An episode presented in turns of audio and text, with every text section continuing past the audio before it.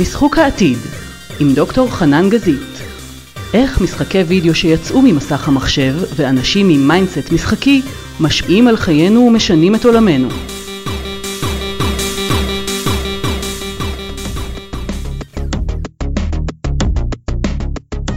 ברוכים הבאים, אני חנן גזית. עם הסיפורים, החידושים הטכנולוגיים והטרנדים החמים שאתם חייבים לדעת כשגיימינג, מדעי המוח, התקשורת, חוכמת ההמונים, התרבות והספורט נפגשים. מוכנים? אנחנו מתחילים. Game on!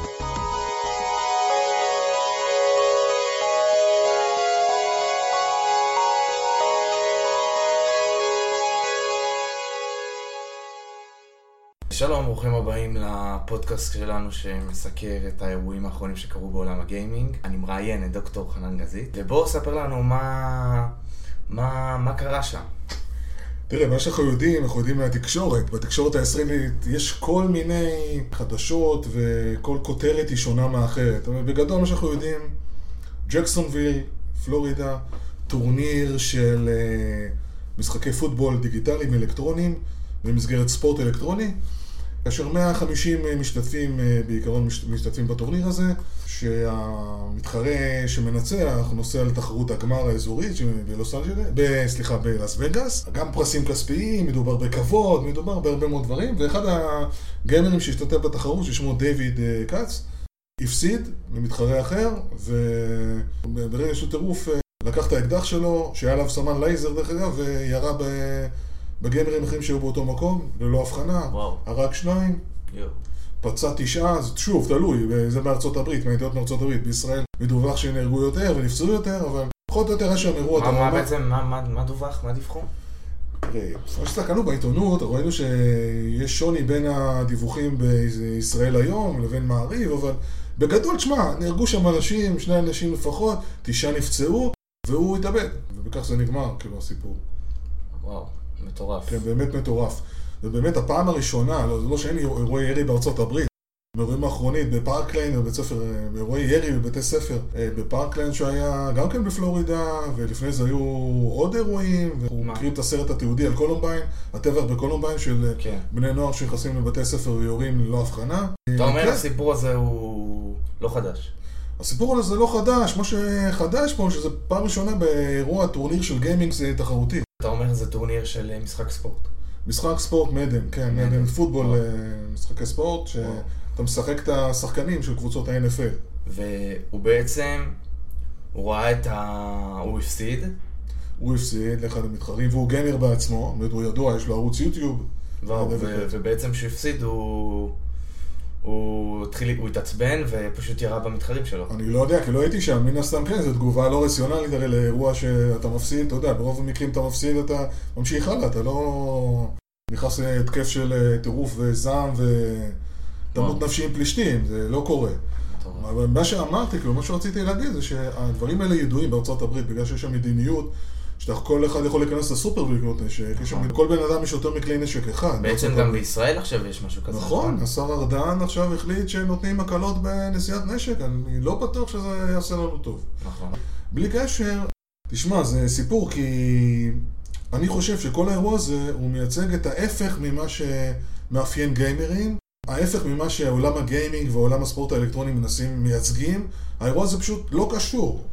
נכון, ומה שיקרה, אני מניח שמה שיקרה, שגם אנחנו רואים עכשיו בעיתונות את כל ההייפ, זה ישר תופס כותרות ראשיות, כי מדובר באירוע חריג, ובארצות הברית בוודאי, וזה יסתדר לאנשים, ייפול בשבילם כפרי בשל, כל האנשים, גם בממשל האמריקאי בראשותו של דונלד טראמפ, יגידו, כן, משחקי המחשב משפיעים על בני הנוער, ילדים, על אנשים, גורמים להם להיות יותר אלימים, כי הם משחקים משחקי מחשב אלימים.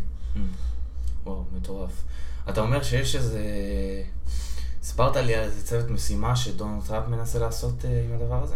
כן, למעשה אנחנו כבר יודעים אה, מאז שהוא נכנס לתפקידו, בעקבות אה, מקרה הירי שקרה בפארקלנד בפברואר, אתה יודע, כל מקרה כזה שנהרגים ילדים על ידי ילדים אחרים או על ידי בני נוער אחרים, גורם להיסטריה וזעזוע, וזה לא משנה את העובדה שאיגוד הרובעים האמריקאי, שהוא אחד הספונסרים הכי גדולים, כן? שאנשים שתומכים בנשק לכל בן אדם לפי.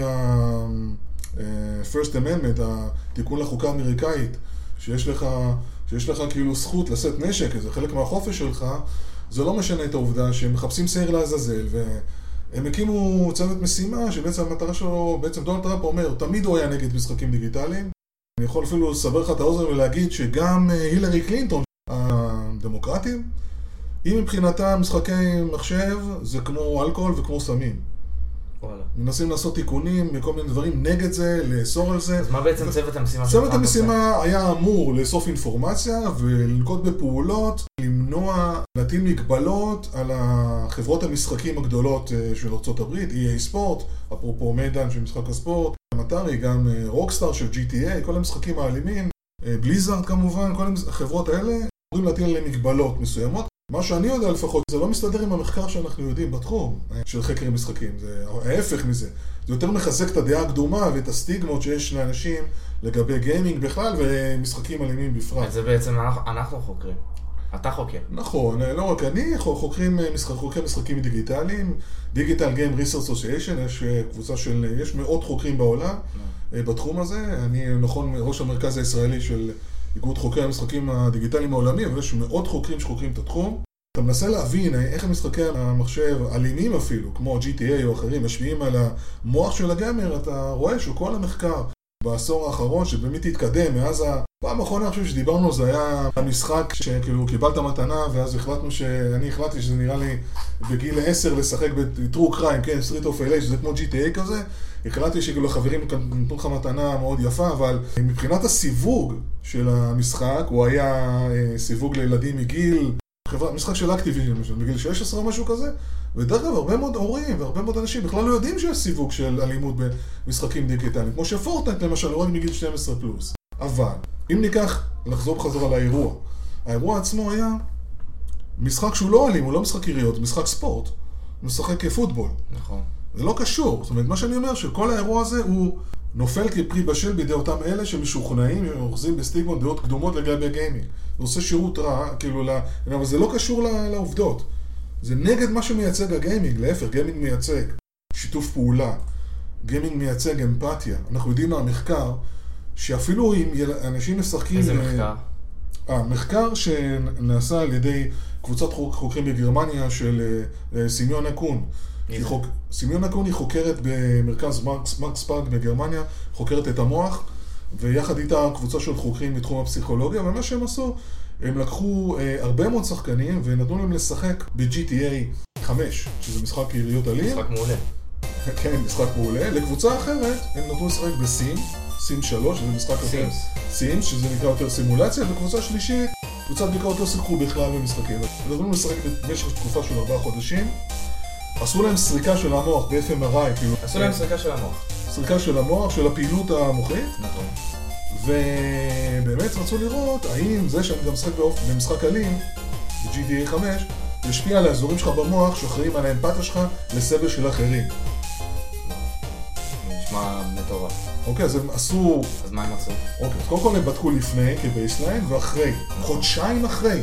ותחשוב, כאילו, זה המון, כאילו, לראות. זה ומה בדיקה שהם. גילו, כן, ומה שהם גילו למעשה, שאנשים שמשחקים במשחקים אלימים, המרכזים שלהם במוח שאחראים על אמפתיה עבור, של סבל של אחרים. זה ברור שאם אתה לא אמפתי, ואתה כאילו מתנגד לאחרים, אז בסוף אתה, אתה גם תהיה אלים כלפיו. המיתוס או העמדה הקדומה אומרת שאם אתה משחק משחקים אלימים, אתה לא תהיה אמפתי לסבל גם. אתה חשבת ככה פעם. לא, זה לא שאני חשבתי ככה, עוד מעט נגיע לזה. אה, אני חשבתי שמגיל מסוים, משחקים אלימים, יש את הסיווג הזה, גיל מסוים, משחקים אלימים, לא צריך לתת אותם לילדים כמו שאנחנו יודעים, אבל בואו נסגור את העניין של המחקר, באמת גילו, עשו את זה להרבה אנשים, שהרגשות האמפתיה לסבל של אחרים לא משתנה כתוצאה מזה שאתה משחק במשחק אלים. כן, זה דבר ראשון.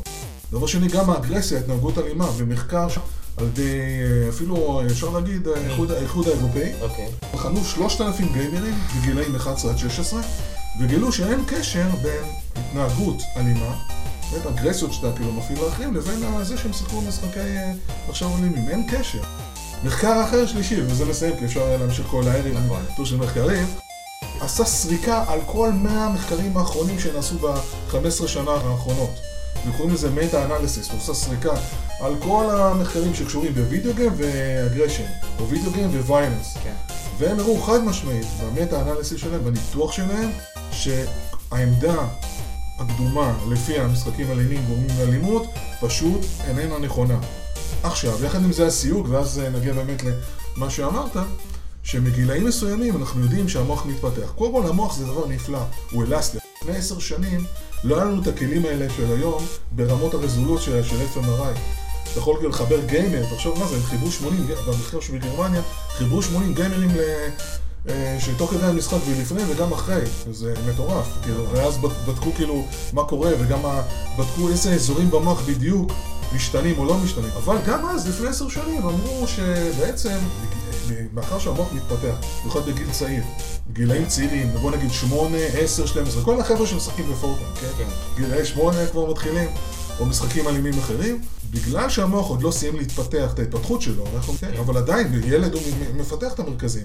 אז האמיגדלה שאחראית על רגשות, על דחפים, על הקנדי קראש הזה, כן? שאני כל הזמן רוצה משהו חדש, היא כל הזמן רוצה... שבמוח. המגדלה שבמוח, היא כל הזמן רוצה את הדברים האלה, ומצד שני יש לך את המערכת שדורשת, אה, זה נקרא קורטס, או הפרונטל לוב של הקורטס, היא יותר שולטת בהיגיון, שולטת בדברים של לגרום לאנשים לשקול דברים. אז אצל ילדים זה עוד לא מפותח, אתה צריך את המערכת הוויסות, השיווי משקל. האזור, האזור במוח שעושה את השיווי משקל, את הוויסות הזה, נקרא אינסולה, ומוצאים שילדים שמשחקים, ילדים צעירים, בגילאי 10 עד 12 שמשחקים ב League of Legends, אתה יכול גם לקרוא לו משחק אסטרטגי, נכון, נכון, והוא לא מתפתח, זאת אומרת האזור הזה, אנחנו רואים שהוא, הנפח של החומר האפור באינסולה אה, קטן יותר. מה זה החומר האפור בעצם? החומר האפור זה תאי המוח. תאים של המוח, הרשת של הזה. עכשיו, איפה זה, אה, למה זה אה, קצת מדהים, אתה אומר לילדים בני נוער, לא כדאי, כאילו, הורים, ילדים צריכים לדעת את הדבר הזה. כי הסיפור של, ה... של ההשפעה של האינסולה על הקבלה, השליטה שלך, ויסות כפים, רגשות, אנחנו יודעים, אצל מבוגרים. אנשים שמכורים לסמים ולאלכוהול, כן. האינסולה שם לא מתפקד, מתפקד פחות טוב. אז אתה אומר, אם זה קורה גם... בגלל הסמים והאלכוהול בעצם. ברור, בגלל ההשפעה של הסמים והאלכוהול. אז אם אתה אומר, אז משחקי מחשב, עבור ילדים צעירים, משחקי מחשב מסוג מסוים, לא כולם כמובן, מסוג מסוים הם יכולים לגרום, ל... לא נגיד להתמכרות, אבל לגרום לפגיעה באזור שאחראי על הוויסותים. זה ברור, אתה רואה ילדים שהם מכורים לפורטנט, הם לא יכולים לעזוב את המשחק. אז, אז כאילו חשוב שהורים לילדים ידעו, אני קורא לזה אמנה. יש איזושהי אמנה מסוימת שהורה עושה יחד עם הילדים שלו, זה ראשי תיבות. כן. א', זה איזונים, כמו בכל דבר. האמנה, כן? איזונים בין הפעילות שאנחנו עושים, אנחנו הולכים להתאמים בחדר כושר, שוחים, פעילות פיזית, משחקים חברים בחוץ, כן. מחוץ למסך, לעומת השעות שמשחקים במחשב. הילדים צעירים שצריכים להיות פחות במחשב, בטח בפורטנט, זה האיזונים. המינונים זה כמות השעות בכלל שאתה משקיע בזה, בתוך, בתוך המשחקים, בתוך המסך. לילדים צעירים צריכה להיות יחסית מועטה. מועטה, אני אומר, אפילו שעה גג, והאם הילד אה, צועק ובוכה ואומר, אני עכשיו עם החברים, אומרים לו, אוקיי, חמוד, עוד חמש דקות תסיים וזהו. וזה עובר להי האחרון, הצבת גבולות, חייבים לשים גבול. נכון. כי אם לא שמים גבולות, ראינו את ה... יש קבוצה בפייסבוק, אתה יודע, אימהות אה, נפגעות אה, פורטנייט. וואלה. כן, יש כזה דבר, כן, גם הייתה על זה כתבה בעמרי ברק, ידידנו בחדשות 2. עשה כאילו תוכנית, אירח את האימהות האלה, שפשוט לא... הילד ישן, אתה יודע, בחופש הגדול עכשיו, כן. הוא מתחיל את המשחק בשעה 10 בשעה 4 בבוקר, הולך לישון, אם בכלל. לא הולך, לא עושה פיפי, לא שותה, לא אוכל. לא נשמע בריא בכלל. לא בריא בכלל. אז כאילו צריך להגביל את זה, זה כאילו הצבת הגבולות בסוף. והנון של האמצע, כאילו האמנה, כן, איזונים, מינונים, נוכחות הורית. הורים לילדים צריכים להבין שיש פה נוכחות, שיהיה להם אותה שפה, כאילו, שידברו באותה שפה, כי זה מה שמעניין את הילדים. הילדים נמצאים שם, אז גם זה חשוב. אז איזונים, מינונים, נכונים, נוכחות הורית והצבת גבולות לילדים צעירים, זה חובה, אחרת זה אמנה, בקיצור. טוב, תודה שככה שתפת איתנו את המידע. נמשיך בפודקאסט הבא. הפרק בחסות ג'ולות אינטראקטיב. עוזרים לארגונים, חברות הייטק, יזמים וסטארט-אפים לשלב פתרונות גמיפיקציה מתקדמים לשיפור תוצאות. ג'ולות אינטראקטיב, עסקים משחקים להצלחה. סטארט פליי יור לייף. גם בפייסבוק.